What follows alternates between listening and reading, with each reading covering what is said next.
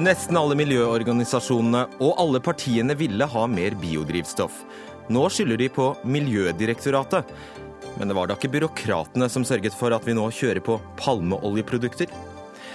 Hva er egentlig Donald Trumps politikk, hvis han har en, spør vi ekspertene. Deler av rettssaken mellom Anders Behring Breivik og staten om soningsforholdene hans skal gå for lukkede dører. Presseorganisasjonene vurderer å anke kjennelsen. Og Kirken må vise mer handling og mindre moralsk pekefinger i flyktningdebatten, mener Høyre-politiker. Hør biskopenes svar.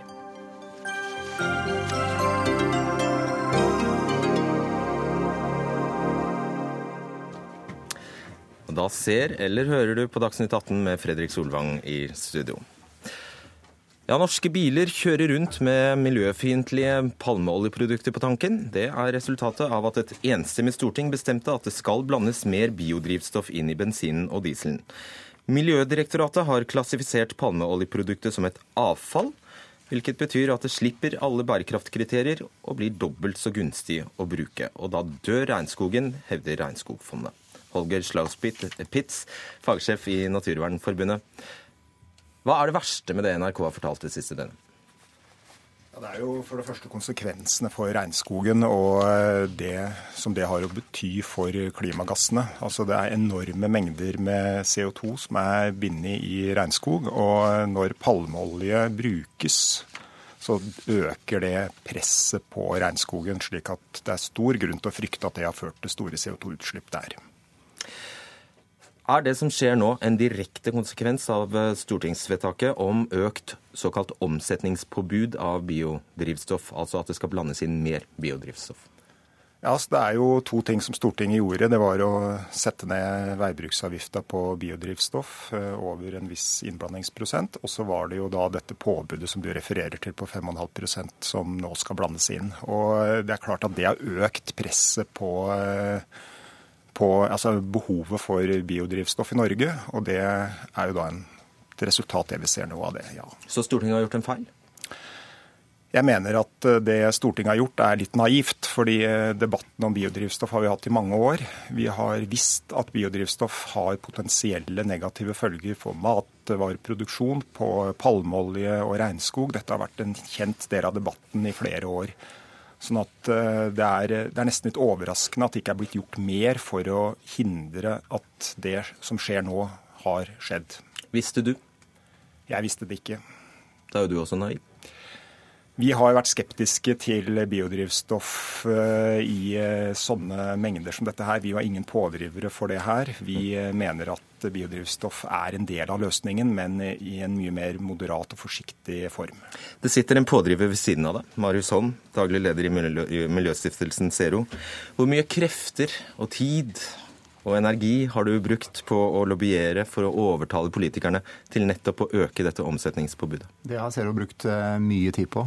Og det er fordi at alternativet som folk kjører rundt med på tanken, er mye verre. Det er fossil diesel. Og det er sånn at uh, Mesteparten av biodrivstoffet som uh, omsettes i Europa, det er uh, sertifisert og tilfredsstiller bærekraftskriterier som ikke en dråpe fra norsk sokkel av bensin og diesel klarer å oppfylle.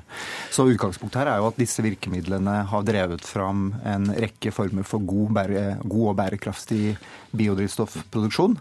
Og det er det vi ønsker å fortsette med. Så det er kombinasjonen av at det er lønnsomt, som gjør at eh, nye aktører prøver å utvikle nye og miljøvennlige former for biodrivstoff.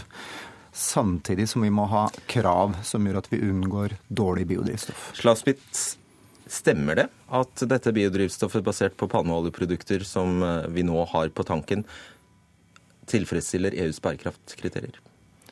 Altså, de er jo, eh, Siden de er klassifisert som et avfallsprodukt, så unntas de jo fra det. Og eh, da snakker du jo ikke sant, Holm? Jo, 90% av biodrivstoffmarkedet i Europa er sertifisert eh, og kommer ikke fra palmeolje. Men det er en viss mengde her som kommer fra palmeolje, og som du sier så er det klassifisert som avfall. Og vi har jo sammen med Regnskogfondet tatt initiativ for myndighetene for å få endra den klassifiseringen. Det har vi tatt opp med de straks byråkratene i Miljødirektoratet som har skylda, da? Nei, det vil jeg jo ikke si. Det er ikke snakk om skyld, men det er snakk om at uh, dette produktet ble forstått som avfall. Det er altså ikke selve palmeoljen vi snakker om, men det er et avfallsprodukt som, som man da har funnet en måte å utnytte på, som gjør at det ikke lenger er avfall, men et biprodukt som, som har verdi. Mm. Og Derfor så bør vi sørge for å klassifisere det som nettopp det, sånn at ikke det blir ekstra lønnsomt å bruke et produkt som vi uh, ikke er sikre på gevinsten av. Slatpitz, hva vil du si til Holm? Altså jeg er enig i at eh, det må endres snarest, og det er veldig, glad, eh, veldig bra at Vidar Helgesen har tatt tak i det her. Men eh, hele denne problematikken illustrerer jo eh, noen av utfordringene med biodrivstoff. Jo mer drivstoff vi trenger for å drive samfunnet, jo større fare er det for at vi tar i bruk drivstoff som har negative konsekvenser på miljø, natur, regnskog, klima osv. Og, og da er faktum, Holm, at alle aktørene som du er helt avhengig av, leverer dette drivstoffet. De forteller altså at det er bare det er eh, palmeoljebaserte produkter som dominerer det europeiske markedet. Ja, Det er ikke sant. Det er innenfor Så de lyver? Ja, det er ikke sant. For det, er kun eh, Palmeolje utgjør under 5 under 10, kanskje rundt 5% av det europeiske biodrivstoffmarkedet. Så det er rett og slett Av ikke sant. Av såkalt HVO? Ja, det er én type biodrivstoff. Det er det vi snakker om nå? Ja, vi snakker om biodrivstoff. Og det er ikke, HVO, på, det, er ikke noe påbud om å blande inn HVO. Det er ikke noe Nei. eget avgiftsfritak for HVO. Så vi snakker, om, bio, vi snakker om biodrivstoff generelt, ja. og der er, utgjør palmeolje rundt 5% Og Det som er poenget her, er jo at uh, vi må uh, se på hva som er alternativet til biodrivstoff drivstoff. Og det, det, er ikke enkelt å finne gode alternativer til fossilt. Men det er altså fossilt som er utgangspunktet her. Ja. Og det er det som er hovedproblemet. Ingen bensin- og dieselprodusenter fra oljeindustrien er i stand til å tilfredsstille de bærekraftskriteriene som mesteparten av biodrivstoffet tilfredsstiller. Og nå eh, må vi altså sørge for at også de produktene som nå har sklidd under radaren fordi de er klassifisert som avfall, at også de må gjennom den vurderingen okay. som gjør at de kanskje faller gjennom hvis det ikke er bærekraftig. Kanskje. Heikki Holmås, stortingsrepresentant for SV. Visste du dette? Nei, ikke før dere har meldt meldte det fra NRK sin side. SV har jo også ivret for mer biodrivstoff, og dere stemte for dette vedtaket i fjor. Angrer du på det? Nei, fordi vi har alltid visst at det var bra biodrivstoff, og at det var dårlig biodrivstoff. Og vi har vært opptatt av fra SV sin side å sørge for at det biodrivstoffet vi bruker i Norge, det er godt biodrivstoff. Og så ser vi nå at eh, mye av det biodrivstoffet, kanskje mesteparten av det som er kommet på markedet fra, eh, fra bensinstasjonskjedene sin side, det er dårlig biodrivstoff. og Derfor har SV i dag levert forslag om at vi skal forby bruken av palmeolje. Vi må bruke avgifter for å få, få det vekk fra, fra, markedet, sånn at folk kan vite når de kjøper biodrivstoff, så er det bærekraftig biodrivstoff. Hva med bedre føre var enn etter snar? Ja, men Dette er noe som Stortinget har vært med på å diskutere de ti siste årene. Eh, og, og Gradvis har vi tatt i bruk mer biodrivstoff. Men det har hele tiden vært en debatt som, der bl.a. SV har sagt at vi er nødt for å ta skikkelig bærekraftshensyn. Nå viser det seg altså at den biodrivstoffen som bensinstasjonene har valgt å, å, å, å bruke, den kommer fra palmeoljeproduksjon, som eh, bidrar til å, kutte ned regnskogen. Og det må vi få en slutt på. Slagpitz, er det mulig mulig å fylle dette rommet hvis palmeoljen forsvinner?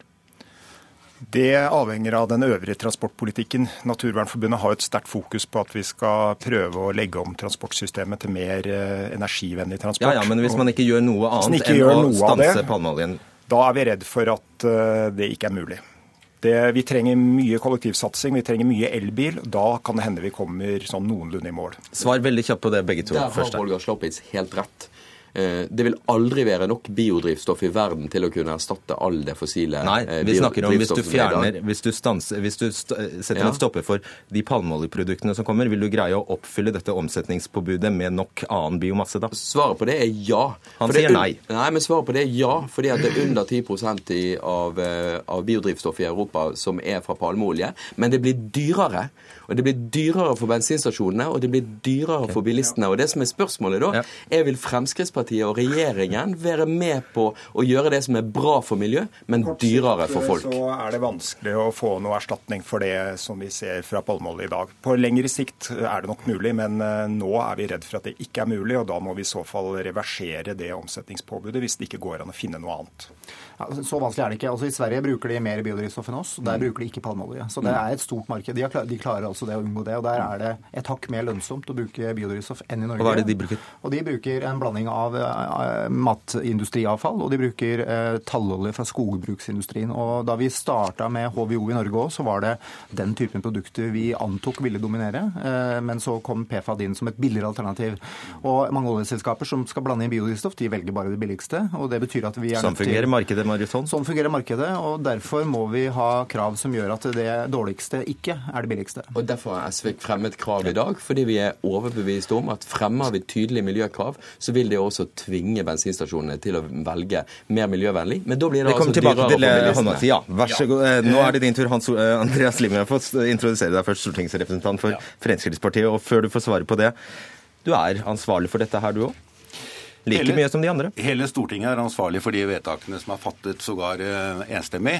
Uh, og så er det vel det å si at uh, dette er nok et eksempel på at dessverre så blir ofte klimadebatten og miljødebatten i Norge preget av litt for mye symbolikk.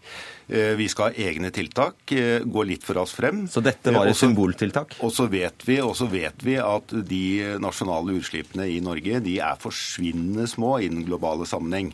Mye viktigere for oss å jobbe internasjonalt, eh, jobbe ikke minst internt med EU, for å få internasjonale gode regler som ikke minst er konsekvensutredet. Og bransjen, bransjen advarer mot den situasjonen som vi nå står oppe i, for de har, de har sagt at det er ikke ikke bærekraftig biodiesel eller biodrivstoff tilgjengelig i det norske markedet. Og som et ansvarlig eh, regjeringsparti, da... hvordan kan du da gå med på det, et tiltak du selv mener er et symboltiltak? Jo, fordi dette var, dette var en del av en budsjettbehandling eh, med konsekvenser for budsjettet i 2015, så det måtte vi akseptere. Eh, men så har også miljøvernministeren nå vært veldig tydelig på at den informasjonen som da er avdekket av Dagsrevyen, meget prisverdig, det, mm, er, det er, ikke akseptabelt. Og, og det kommer miljøvernmyndighetene til å til å, å, utrede og endre regelverket om nødvendig. Holmes. Men altså, du kan jo ikke sitte der og ha ansvaret for dette her, og så bare sno deg unna og si at det vi holder på med, er. Jeg snor meg ikke unna. For det er altså sånn Nei, jeg snor meg ikke unna. Jeg bare sier at nå, Hvis de klarer dette i Sverige, med grønne og røde i regjering, mens de ikke klarer det i Norge med Fremskrittspartiet i regjering, hvem sin feil er dette da? Sverige har en helt annen politikk på det området, har hatt i mange, mange år. Norge har satset veldig veldig ensidig på å gi insentiver til elbiler eh, og batteridrift. Det har man ikke gjort i Sverige. Man har hatt en helt annen bilpolitikk og en helt annen avgiftspolitikk. og Det betyr også eh, at Sverige har kommet mye lenger når det gjelder biodrivstoff. Okay. Som gir en helt annen anvendelse, spesielt for tyngre kjøretøy og transportnæringen. Ok, Mariusson, du, din resept her for å bli kvitt dette, dette panneoljeproduktet, er å la det være opp til hver enkelt kjøper av drivstoff? Altså Ruter, Tine, Felleskjøpet, Kari og Ola Nordmann? Nei, det, vi ønsker for det første også å fjerne insentivet for å bruke ekstra mye av dette produktet. Altså Nå er det definert som avfall, og det betyr at det er ekstra gunstig for oljeselskapene å fylle inn det her. Så det, det, ønsker vi å fjerne. Det er en eh, regulering vi var helt uenig i, og det har vi gjort klart overfor myndighetene. Og vi har gjentatt det i et brev vi har sendt sammen med Regnskogfondet nå. Det vil gjøre det mindre attraktivt for oljeselskapene å bruke det. Men så må vi se på hvordan vi skal Men du blir ikke kvitt det? Nei. Og vi, eh, skal vi prøve å være her må vi prøve å være litt nyanserte i forhold til hva som er realitetene. Eh, det er ikke sånn at dette produktet per definisjon, uten unntak, er skadelig for eh, klima eller for regnskog. Det finnes eh, det finnes palmeoljeproduksjon som er sertifisert, og som, som er en forsvarlig måte å drive landbruk på. Hovedproblemet oppstår når vi nå skaper veldig stor etterspørsel. Da taler du mot Transportøkonomisk institutt. Du vet det, De sier at det ikke per i dag finnes bærekraftig produksjon av palmeolje. Ja, det, er, det, har, det, har, ikke de noen forutsetninger for å si. Alle, har du det? Vi, ja, vi vet at det finnes, det finnes, produksjon som er basert på tradisjonell jordbruksdrift, som ikke er, eh, har erstattet regnskog. Det er det ingen tvil om. Og du taler også mot Regnskogfondet? Nei, det gjør jeg ikke. Vi er enige med Regnskogfondet. Poenget er at selv om eh, disse produktene som brukes i Norge, kanskje er greie nok. Det er, kan godt tenkes. Så er det summen av etterspørsel etter palmeolje som gir eh, press på regnskogen. Så selv om du kjøper den snille palmeoljen, så er du med å lage press på regnskogen. og Det er derfor vi mener vi bør finne gode alternativer. Slapp litt. Kutter vi i det hele tatt klimagassutslipp hvis vi bruker palmeoljeprodukter for å kutte utslipp i Norge? Jeg vil si at det gjør vi nok ikke. I verste fall så blir det mye høyere utslipp. Det er jo helt forferdelig. Vi må jo stanse med dette umiddelbart. Heikki Holmås. Jeg er helt enig, og derfor har vi fremmet forslag i dag på Stortinget om at vi umiddelbart må stanse det. Og det som er, det som er Ja, bare mitt forklar, hva, Hvordan vil du gjøre det helt med avgift? Tre forskjellige måter. Det ene er at vi er nødt for å sørge for det som har vært oppe i debatten her, nemlig å reklassifisere dette, Ja, det eh, denne Mm, sånn at det ikke er et avfall lenger. Sånn at det ikke er et Ja. avfall. Mm. For da slår plutselig bærekraftskriteriene inn, og det er de ikke i stand til å oppfylle. Det andre vi er nødt for å gjøre, er å sørge for at de biodrivstoffene som ikke vi mener er bærekraftige, de må vi faktisk skattlegge høyere. Men det blir dyrere.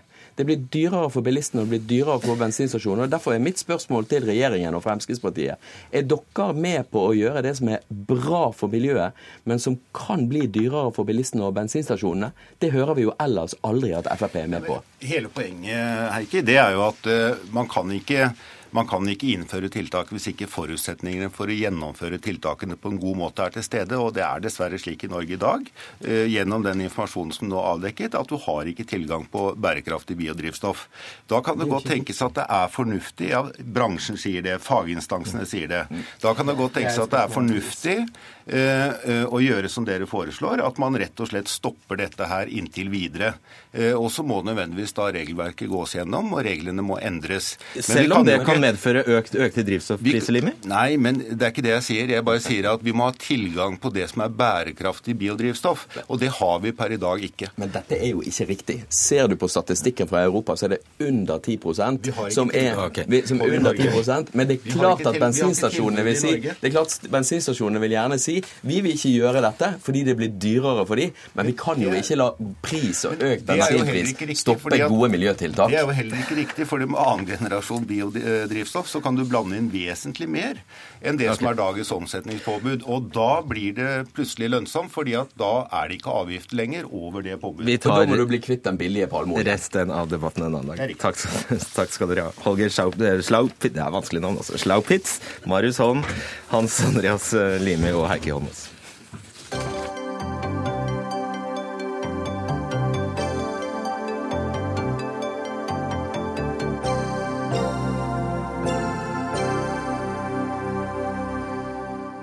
Hillary Clinton og Donald Trump ligger an til å bli de to som skal kjempe om å bli USAs neste president. Det er klart etter gårsdagens mange nominasjonsvalg, kalt Supertirsdag, hvor de begge vant sju stater hver.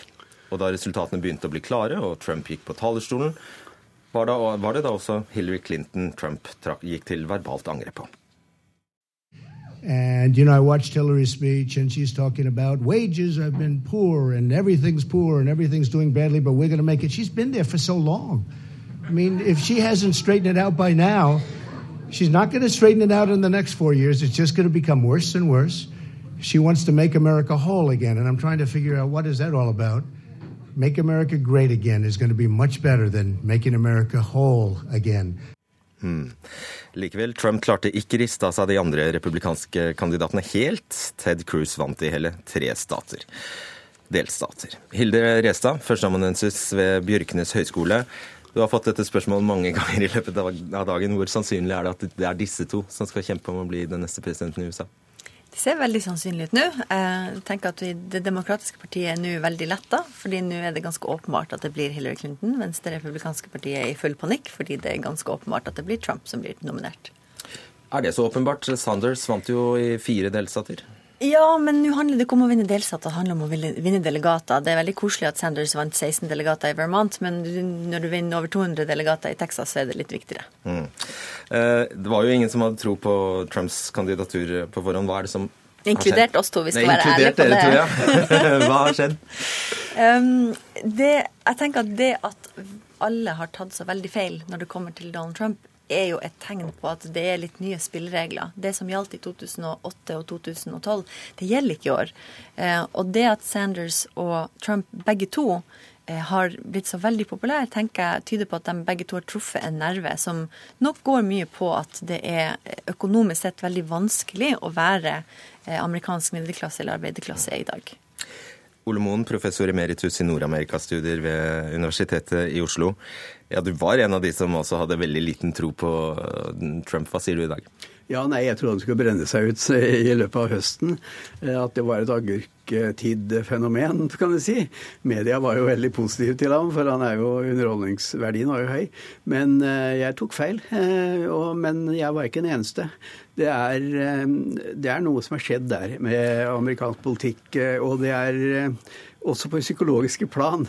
Det, det er interessante ting der med med tiden, med mm. alle vanskene, med at folk føler at, eh, at, at de sitter verre i det osv. Eh, det som har skjedd med de to partiene, er jo faktisk at Eh, de som har, er mest fryktsomme, har samlet seg i veldig stor grad hos eh, republikanerne. Og det er den delen som, som i veldig stor grad fyller opp uh, hos Trump. De vil ha en sterk mann, en med lette, greie løsninger, og som er maskulin og viril og, og har, uh, har, enkle og, og greie og, og oppskrifter på, på, det meste. Mm. Eh, det var vel 9. desember i fjor du sa du ikke hadde noen tro på at han skulle overleve nominasjonsprosessen. Eh, når du da vet det du eh, Når du har sett, sett gangen i dette, var det noen overraskelser i går? Ja, altså Det var interessant at eh, Hillary og eh, Trump vant stort sett de samme statene. Eh, det var litt interessant. Det jeg overrasket for, meg var vel kanskje på andre siden at, at Sanders vant Minnesota og Colorado. Jeg hadde nok altså Meningsmålingen viste jo at i Minnesota så lå han godt an, men jeg trodde faktisk ikke at han skulle greie det. Og, og Colorado er jo en, en, en, stat som har endret seg veldig mye og blitt ganske liberal og, og har eh, ganske divers, ganske mangfoldig befolkning. Så, så det var litt overraskende, vil jeg si. Hvis vi, tar, ja, hvis vi tar tak i dette at de vinner de samme statene, Clinton og Trump, hva, kan det være noen fellesnevner? Er det en, felles, er, det en bølge? Er det en fellesnevner? Nei, eh, det, det, er det ikke. fordi det, det, er ikke noen bølge på demokratisk side. Det er veldig stor valgoppslutning på republikansk side. Der er valgdeltakelsen opp eh, fra forrige gang, mens den har gått ned eh, fra 2008 på demokratisk side. Og det er jo noe, det at det er så stor entusiasme målt i valgdeltakelse på den republikanske sida, det gjør jo demokratene kjempenervøse. For det, da tror de jo at det kommer til å oversettes til mye større entusiasme også til høsten. Og det er protestvelgerne? Eh, antagelig. Ja. Mm. Da skal vi snakke litt om politikken, i den grad den fins eh, her. Eh, vi skal eh, skal vi, se, vi, skal, vi skal først, eh, vi skal først eh, snakke om hvilke saker det er Trump eh, treffer velgerne på. Hva vil svaret ditt på det være? Nei, altså er, Han har jo ikke noen, program eller noen, eller noen, plan. Eh, det er jo veldig lite hold i det han sier, og svært ofte er det selvmotsigende. Eh, det er jo sånn eh, fragmentert og, og, og slagordpreget, det hele. Og han sier at vi skal, vi skal, ordne og vi skal gjøre 'Make America Great Again'. Det er liksom hovedmelodien. Og det er jo veldig lite realisme i det han sier, f.eks. når det gjelder innvandring.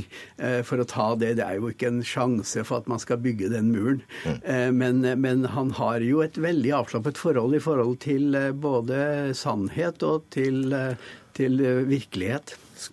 President Obama har påpekt at det er ingen av de republikanske kandidatene som tror på klimaendringer. Vi skal høre hva Trump sa da klimatoppmøtet pågikk i desember.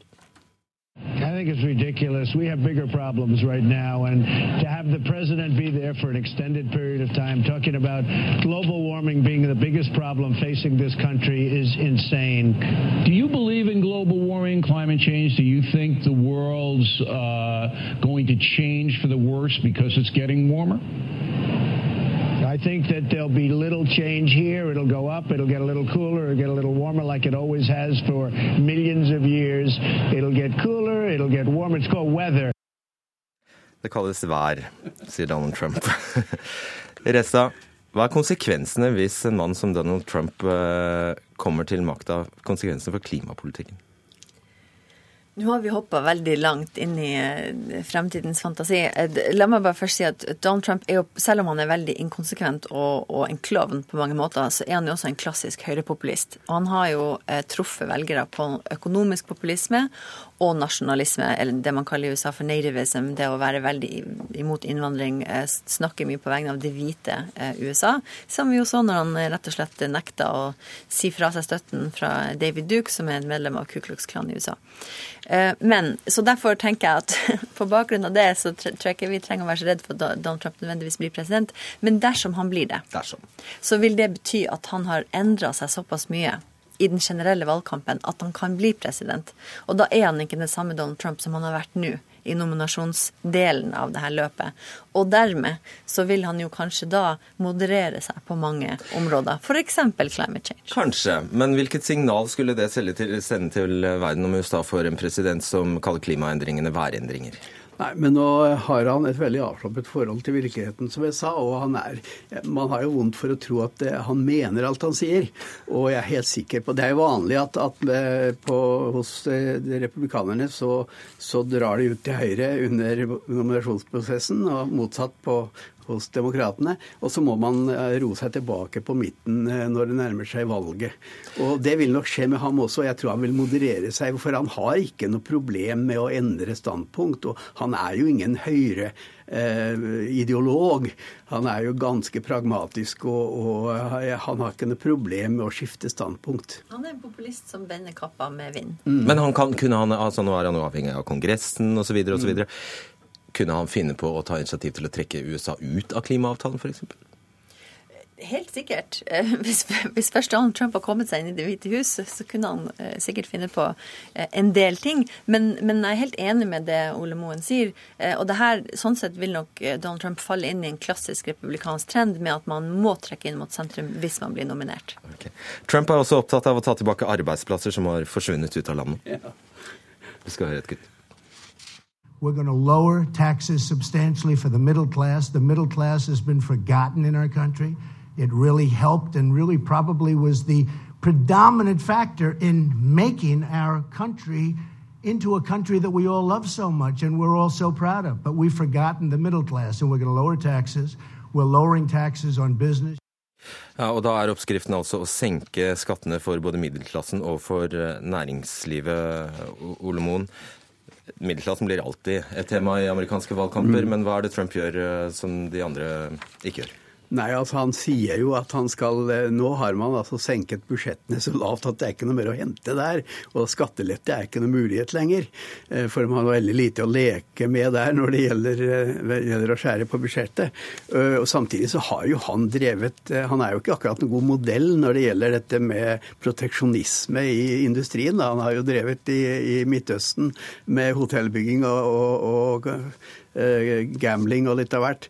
Og eh, er jo han nyter godt av det motsatte av proteksjonisme? Ja, han gjør det. Og, og han, eh, han, liksom, han, skal jo rette på, på, alt rundt omkring i verden. Men, men, han har jo et visst internasjonalt regelverk å holde seg til. Og så må han jo ta hensyn til Kongressen. Og med den utviklingen som skjer nå Det er 24 senatorer f.eks. i det republikanske partiet som er på valg nå. Og mange sitter i svært utsatte stater. Mens det er bare ti Eh, demokrater. Og det betyr at der kan man risikere, eller han kan risikere, at eh, demokratene får flertall i Senatet. Og det blir en ny situasjon. Eh, Reza, det er jo mange som tilkjennegir at de rett og slett liker han og tror på han fordi han er en så vellykket forretningsmann, og de tror han kan gjøre det samme for landet og for dem. Mm. Og jeg tror eh, altså det, det, vi hørte nå når han sa, eh, det var jo Han treffer noe, treff noe, veldig viktig her når han snakker om middelklassen som er i skvis og som trenger hjelp. Og det er helt riktig. Middelklassen i USA er i skvis, og de trenger hjelp. Akkurat det samme sier Bernie Sanders og Hillary Clinton, faktisk. Eh, og i tillegg så har han den klassiske høyrepopulistiske vrien hvor han er ikke imot at staten skal inn og hjelpe dem som trenger hjelp, eh, f.eks. ved proteksjonisme. Eh, så han bryter med mange av de her klassiske høyrevridde, konservative perspektivene på staten og på eh, økonomi, men som er veldig tiltalende for middelklassen og arbeiderklassen. Er det en troverdig oppskrift? Eh, nei, han, det er enig med Ole Moen her. Han har nok ikke noe eh, nødvendigvis troverdige løsninger. Men når han snakker om hvor vanskelig det har vært å være en amerikansk arbeider eh, i flere tiår nå, så har han helt rett i det. Og der får jo Obama med alle disse handelsavtalene, internasjonale handelsavtalene mye, mye av skylda, Ole Moen. Hva blir situasjonen hvis Donald Trump skal sitte og forhandle Altså, USA er avhengig av handelsavtaler. Ja. Men han er jo en god forhandler, har dere ikke fått dere med det? Ja, nå, nå, nå, ja, dette med forretningsmann, vi må jo ta litt der. Altså, han hadde for først første sier at han er self-made man, liksom, liksom har laget sin egen suksess. Han hadde med 200 millioner fra pappaen sin, og det hjelper litt som reiregg. Eh, og så har han hatt fire eh, konkurser med akkordløsninger som gikk utover andre personer. Eh, I veldig stor grad. Chapter 11, som vi kaller det. Og, eh, og det er ikke akkurat noe særlig sånn track record han har der, altså. Så, men, men det er det samme luftslottopplegget at han er så effektiv. Eh, Men, men, eh, og det vil jo også da slå ut i, i praktisk handling ellers. Det er veldig mye luft her, altså. Men det vil jo nå eh, komme mange negative reklamer fra veldig mange andre i det republikanske etablissementet som nå prøver å kjøre mot Trump, og vil nok helt sikkert påpeke det her, og så får vi se om det kommer til å ha en effekt. Det er jo også interessant at eh, han hadde med seg nærmest en eh, adjutant eh, med Christie, altså tidligere kandidat, som har trukket seg, og som nå er støttespiller, og som kanskje så ut som en visepresidentkandidat. Det som er interessant der, det er at han, altså Christies kampanjeleder, hun er nå sammen med de, veldig mange av de kapitalistene med dype lommer som støttet Christie, de er nå med i en kampanje med ledelsen i republikanske partiet for å stoppe Trump. Og der så er altså da Christie kommet i, i, i konflikt med sine egne folk, altså. Ingenting er avgjort. Takk skal dere ha, Ole Moen og Hilde Restad.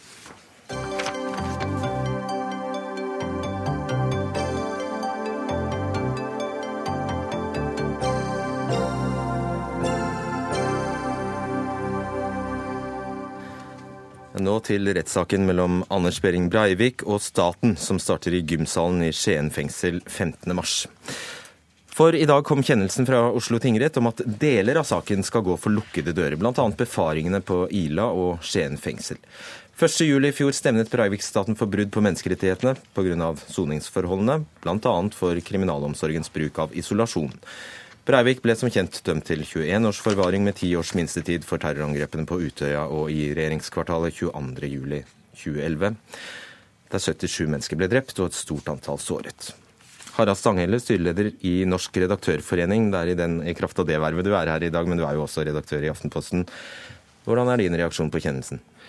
Eh, Det er mye juridisk bondevett i den kjennelsen, og det vi er mest glad for, er jo at eh, det som var utgangspunktet til regjeringsadvokaten, nemlig at eh, tre av de som skal vitne om Breiviks helse, og de tre fengselslederne, de skal nå åpne for, eh, vitne for åpen rett, med noen unntak, som er relativt få, når det gjelder eh, de tre fengselsfolkene. For hvor uklokt mener du, eh, eller hvor uklok mener du regjeringsadvokaten var?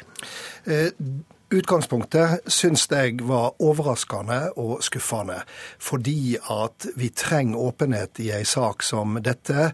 Vi skulle gjerne vært kvitt hele det komplekset som 22.07 er i rettsapparatet, men vi vet det vil dukke opp fra tid til annen, og da er det viktig med åpenhet. Fordi at alternativet til åpenhet, det er en mytedannelse, og det er at de som driver på med slikt, de får vann på mølla for sine konspirasjonsteorier. Det er det siste vi trenger. Mm. Fredrik Sejersted, du er regjeringsadvokat. De glosene Stanghelle la for dagen i sin, i sin leder, eh, ja, hva tenker du om det? Ja, Stanghelle har sterke meninger og spissformulerer, og det er jobben hans og retten hans. Og jeg er ofte enig i det han sier, og jeg er faktisk enig i det meste av det han eh, skrev i går i avisen, og, mye av det han sa i dag. For vi er enige om at åpne dører i rettssaler er uhyre viktig. Det har vi hatt eh, tradisjon for i dette landet i veldig mange år, og det er veldig viktig. Og jeg er også enig i at åpenhet er særlig viktig om denne saken her, pga. dens Må karakter. minne om hva han skrev. Dessverre avsløres dessuten en overraskende mangel på klokskap med tanke på noe. Ja, det var det jeg ville fram Da kommer vi til det. Ja, men det er viktig å si hva vi er enige om, fordi vi er enige om det aller meste. Vi er enige om at det er viktig med åpenhet. Ja, vi er enige om at det... det. Nei. Det jeg er uenig i, er at han fremstiller regjeringsadvokaten som om vi er mot åpenhet, for det er direkte galt. Eh, Det kontoret jeg leder, gjennomfører over 800 rettssaker i året, og det er åpenhet i nesten alle. Åpenhet er hverdagen vår, åpenhet er eh, magefølelsen vår. Eh, Ofte skulle vi ønske at pressen var mer til stede i disse sakene. I denne saken, og når man leser Stanghelle, så får man inntrykk av at vi har gått inn for at mesteparten av denne saken skal være lukket. Og det er ikke faktum. Eh, helt fra første stund har det vært klart at denne saken, som er veldig spesiell, og det må, det må vi vite eh, Denne saken skal i hovedsak foregå for åpne dører. Eh, og min klient i denne saken, som er kriminalomsorgen, har lagt til rette for det.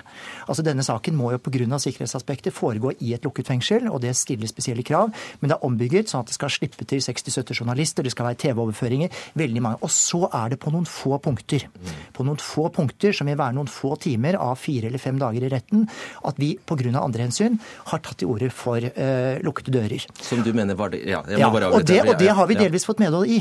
Og det har vært pga. andre hensyn, og det har vært ut fra sikkerhetshensyn. Og det har vi fått uh, delvis medhold i tingretten, i en kjennelse som vi også er veldig fornøyd med. Men dette var de viktigste timene, hevder du? Ja, og jeg er helt sikker på at regjeringsadvokaten og jeg er samde når det gjelder teorien om åpenhet. Men det som jeg er opptatt av, det er jo praksis. Og det som var et faktum, det var jo at inntil mandag så ønska regjeringsadvokaten å lukke retten på de seks vitner som skulle føres, og som skulle spørres ut. Det var helt avgjørende. Det var helt avgjørende for oss å få innsikt i det. Og heldigvis så har tingrettsdommeren skjært igjennom og gjort at bare en liten del av dette nå blir lukka. Da, eh, før, du får svar på det, før du får svar på det, Serge, så, så, eh, skal vi snakke med Ina Strømstad, som er, eh, er medlem i dommernes mediegruppe, tingrettsdommer og avdelingsleder i Oslo tingrett. Hvorfor mente dere da, som Stanghelle viser til, at det er eh, riktig at befaringene og deler av tre avhør med fengselsledere skal foregå uten pressen til stede? Ja, Det retten har eh, besluttet, det er at befaringen skal eh, være for lukkede dører av hensyn til sikkerheten. Eh, retten sier konkret at, eh, at eh, fengselsbyggets plassering, sikkerhetsrutiner, tekniske innretninger, den type informasjon kan føre til en svekkelse av sikkerheten dersom pressen får være til stede. Og når det gjelder disse vitneavhørene? Vitneavhørene, da er det altså slik at loven eh, sier at er det opplysninger som er taushetsbelagte, eh, som retten skal få høre, så skal det gå for lukkede dører, med mindre departementet samtykker til åpne dører. Og det har altså departementet ikke samtykket til, og da har altså retten ikke noe valg. Det skal eh, gå for lukkede dører. Og du fikk nesten viljen din? Vi, fikk, vi, er veldig fornøyd med dagens kjennelse. Eh, altså Nå blir det åpne dører på alt, bortsett fra det som er nødvendig, og har lukkede dører av hensyn til sikkerhet. Og det er akkurat det vi er ute etter.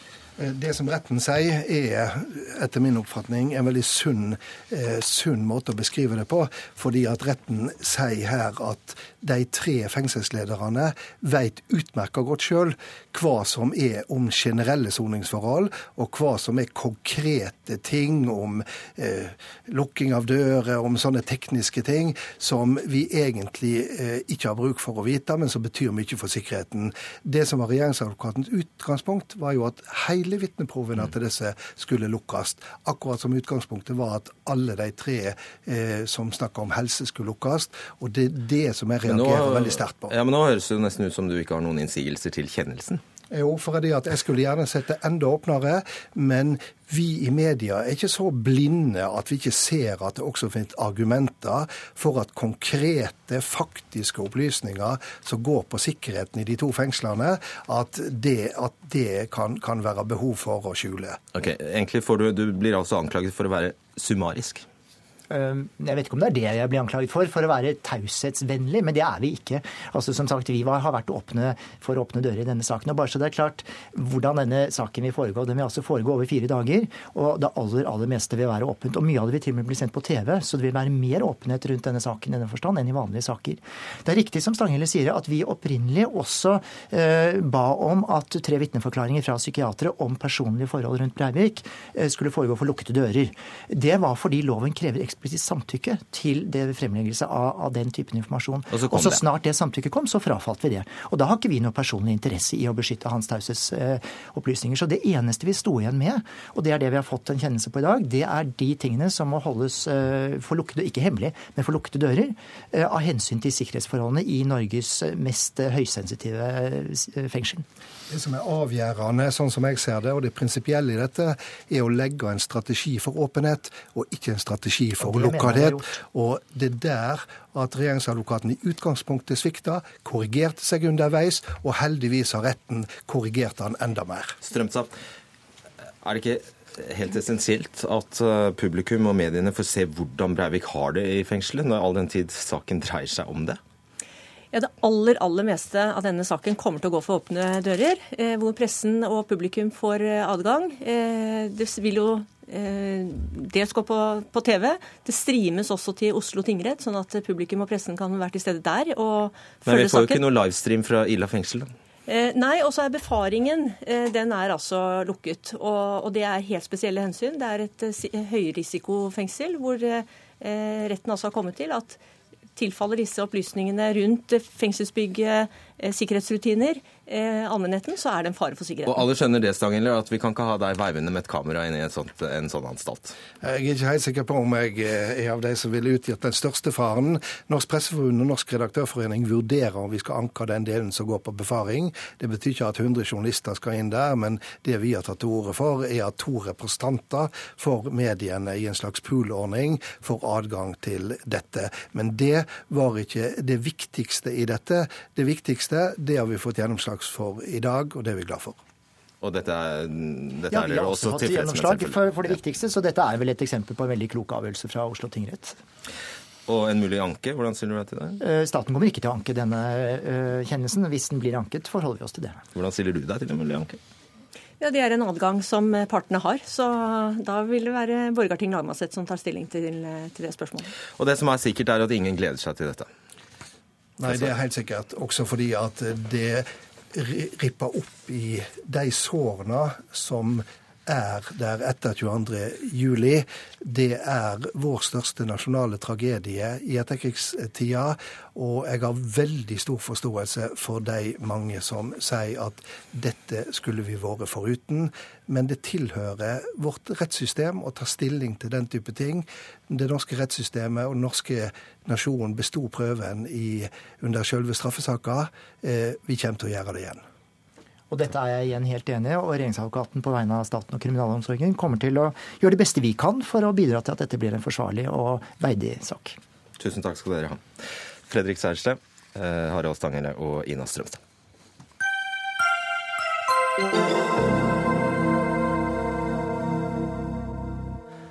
Og nå til negativ valgkamp i Norge, ikke bare i USA.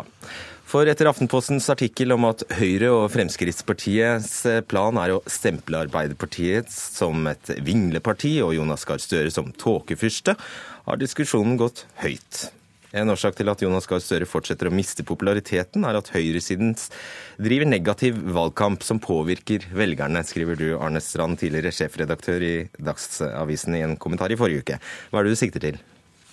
Nei, jeg sikter til den kampanjen som har vært drevet uh, ganske lenge, over lang tid, og som Aftenposten også meget uh, fortjenestefullt har skrevet om, nemlig at det høyt opp i Høyre og Fremskrittspartiet er lagt en strategi for å framstille Arbeiderpartiets leder som en tåkefyrste, og den politikken han står for til enhver tid, som vinglete.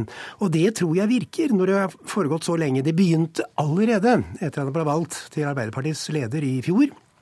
Og så har det tatt seg opp, særlig i forbindelse med asyldiskusjonen i fjor høst, og det er fortsatt inn i år, og vi har telt etter.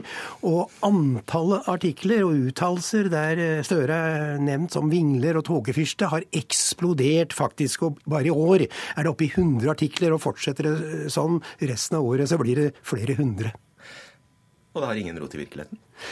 Ingen røyk uten ild, heller ikke i politikken. Akkurat begrepet tåkefyrste om om eh, Støre, det holder ikke i det hele tatt. Er det noe han ikke er, så er det iallfall tåkefyrste. Mannen er egentlig ganske klar og tydelig i alle sine foredrag, i sine artikler og i sine bøker. De som leser det, vil forstå det. Når det gjelder vingling, så går det mer på politisk linje. Og da er det vel sånn at en eh, ny leder i Arbeiderpartiet må få lov til å bruke tid før det nye programmet setter seg. Arbeiderpartiet er inne i en programprosess. Det nye programmet skal vedtas først neste år. Inntil videre så ligger det gamle programmet fast, men underveis, så i prosessen, så hender det at man skifter standpunkt. Det har også Støre gjort. Men jeg syns det er for grovt å hekte merkelappen 'vingler' på han etter at han i noen foredrag har uttalt seg litt annerledes enn han gjorde før. Eirik Løkke, rådgiver for uh, tankesmien Civita. Din sjef Kristin Clemet skrev i uh, forrige uke en blogg med tittelen 'Om spinn og motspinn'. Tåketall, vingling og sverting, og viste bl.a. til kommentaren til Arne Strand. Uh, når du har ham foran deg her, mener du han tar feil når han sier at regjeringspartiene driver med svertekampanje? Ja, jeg mener han tar feil. Jeg oppfatter ikke at det er noen sånn organisert kampanje høyt oppe i systemet i Høyre for å fremstille Jonas Gahr Støre som en tåkefyrste.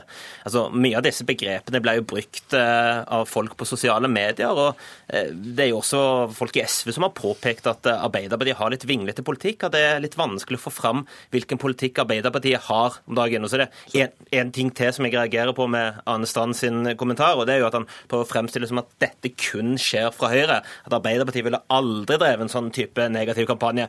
Eh, og det, det mangler ganske mye troverdighet. Ja, Du skriver faktisk det, Arne Strand. Negativ valgkamp har aldri vært Arbeiderpartiets stil. Negativ valgkamp har ikke vært noen politiske partiers stil i Norge.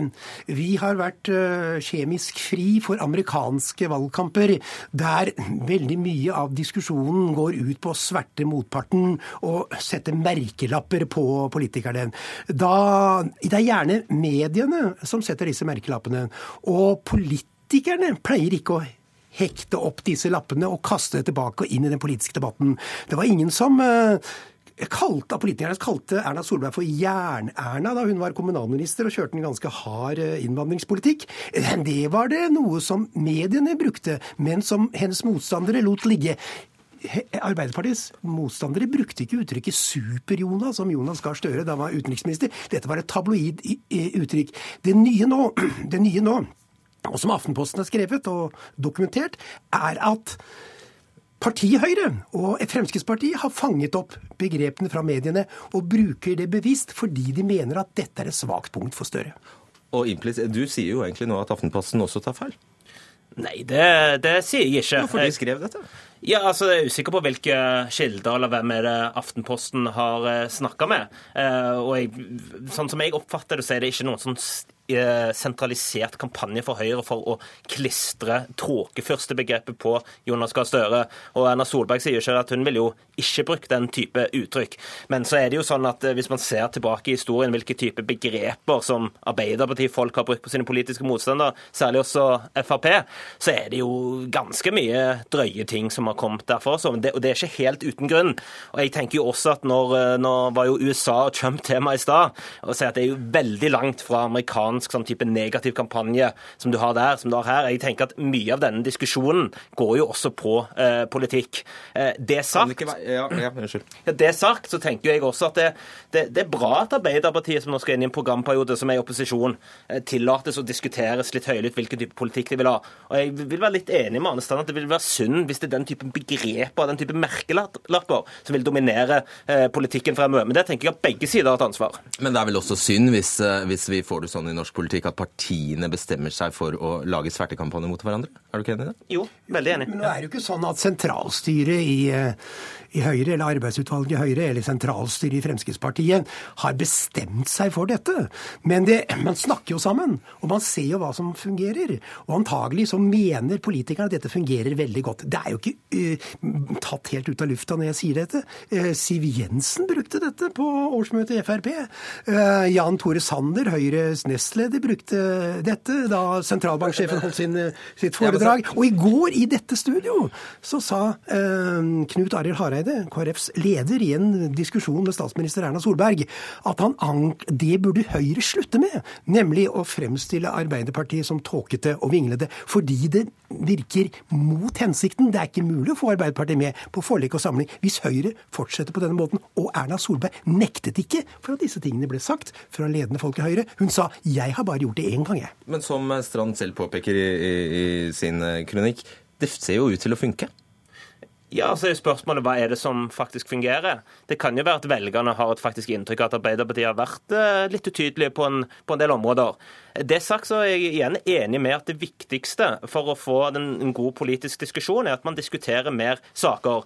Og Jeg vil også tro at eh, regjeringen, Høyre og Fremskrittspartiet vil ha en stor interesse av å få med Arbeiderpartiet på en del eh, forlik. og Da er det en fordel med å diskutere den politiske substansen og sakene, heller enn å drive for mye med merkelapp. Men dette er det ikke bare Høyre og eh, Høyre som driver med det, har også Arbeiderpartiet drevet med før. Og beskyldninger om negativ valgkamp de kommer jo opp med jevne mellomrom. Og du Nei, det, de gjør ikke det, for nå er det kommentarer noen gang. Og jeg fulgte med på Arbeiderpartiet fra Gerhardsen til Støre.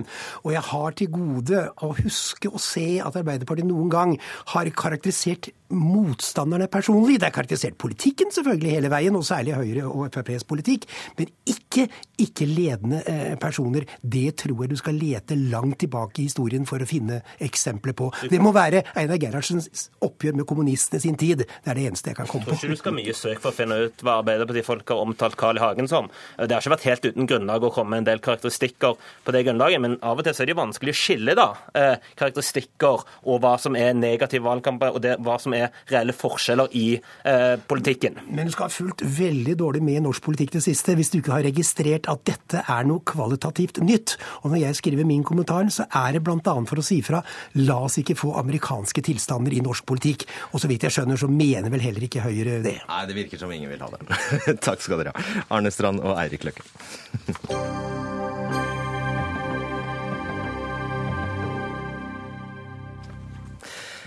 Biskopene får i dag hard medfart for eh, ikke å bidra konstruktivt i asyldebatten.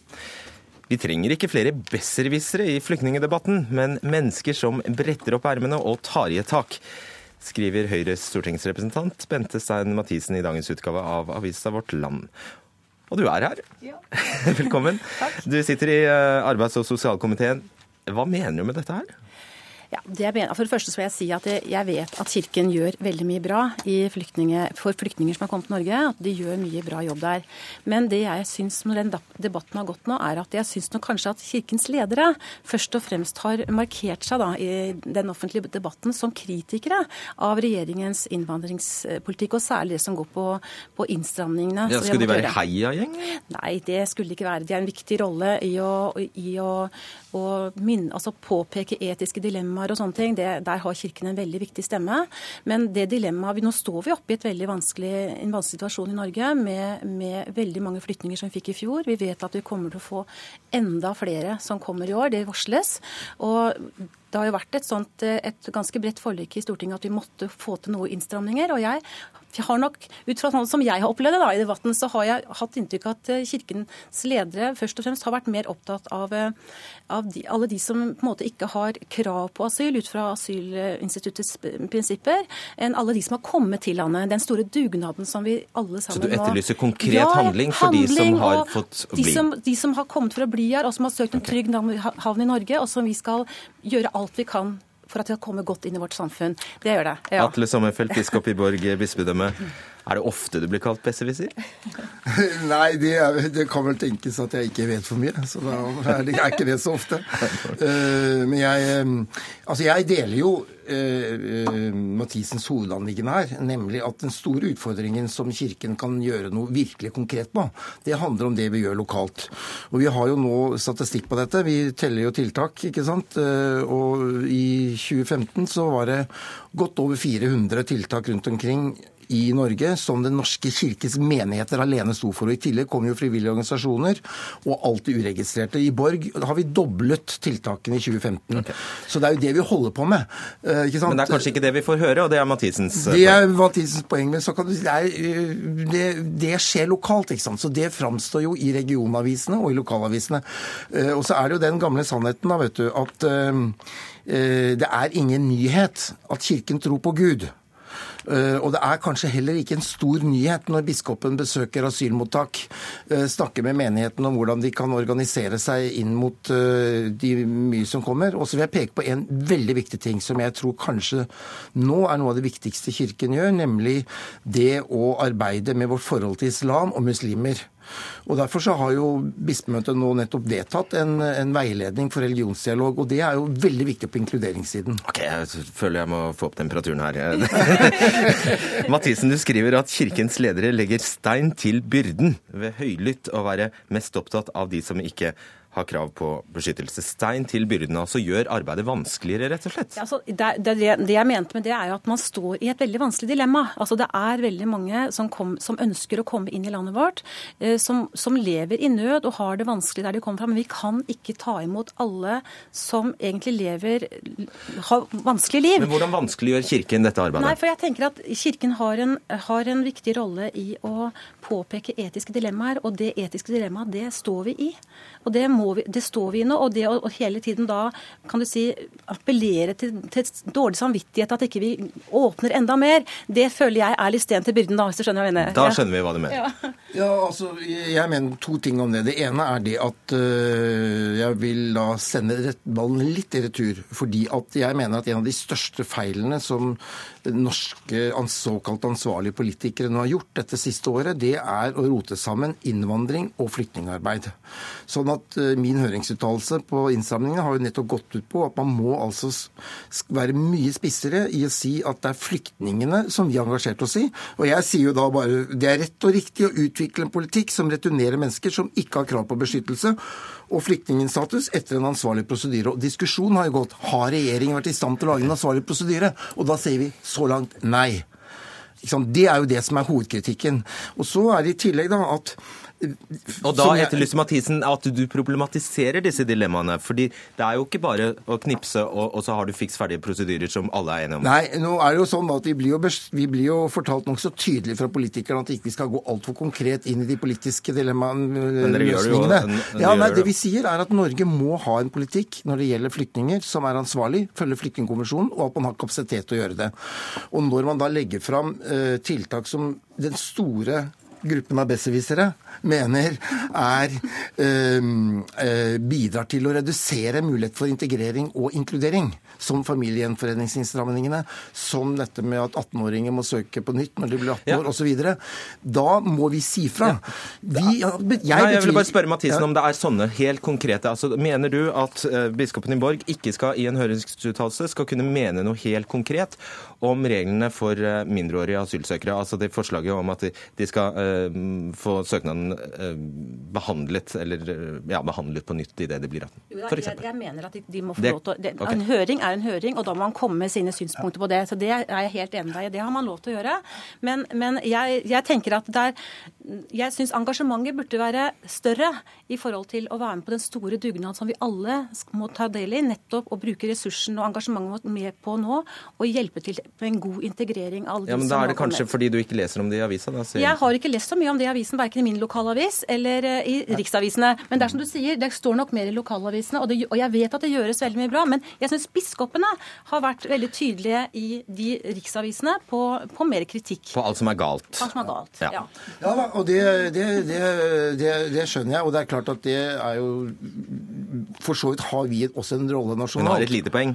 Ja, vi har absolutt et poeng at vi i det offentlige rom har vært mye mer synlig på kritikk av, kritikk av regjeringspolitikk.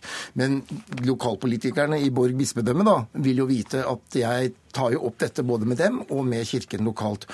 Så tenker jeg at det som jeg syns er bra med Mathisens innlegg, det er at det nå er en diskusjon ja, hva, hva skal Kirken gjøre? Altså Hun utfordrer oss på å bli bedre, istedenfor denne etter min oppfatning ørkesløse debatten om kan Kirken uttale seg om disse tingene eller ikke. Ikke sant? Dette er jo en mye, mye viktigere diskusjon. Og da må jeg bare si, når jeg sier ja, vi har over ja, Vi har fordoblet tiltakene i Borg bispedømme i 2015. Er det nok? Nei, det er ikke nok. Vi har masse å gå på, øh, og, vi må absolutt gjøre mye mer for å sørge for hele den bredden av aktiviteter, holdningsskapende arbeid osv. For å inkludere mennesker som nå kommer og som er på flukt. I Borg bispedømme er i 2015 bosatt noe over 1000 det er altså ikke så veldig mange mennesker, og det er også en av problemene som jeg hører i lokalkirken. Vi vet ikke hvor menneskene er. Mm. Mathisen til slutt. Integrering, er det først og fremst politikernes ansvar?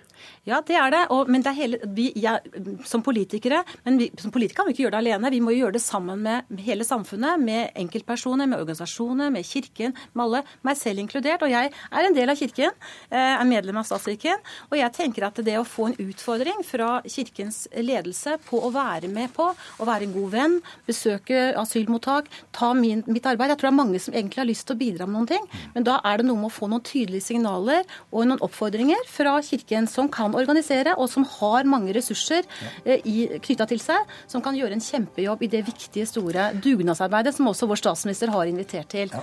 Der var musikken i gang, dere. Vi må si takk. Bente Stein Mathisen og Atle Sommerfelt. Dagsnytt 18 denne onsdagen er over. Det var Ida Tune Ørisland som var vaktsjef. Teknisk ansvarlig var Finn Lie, og i studio Fredrik Solvang.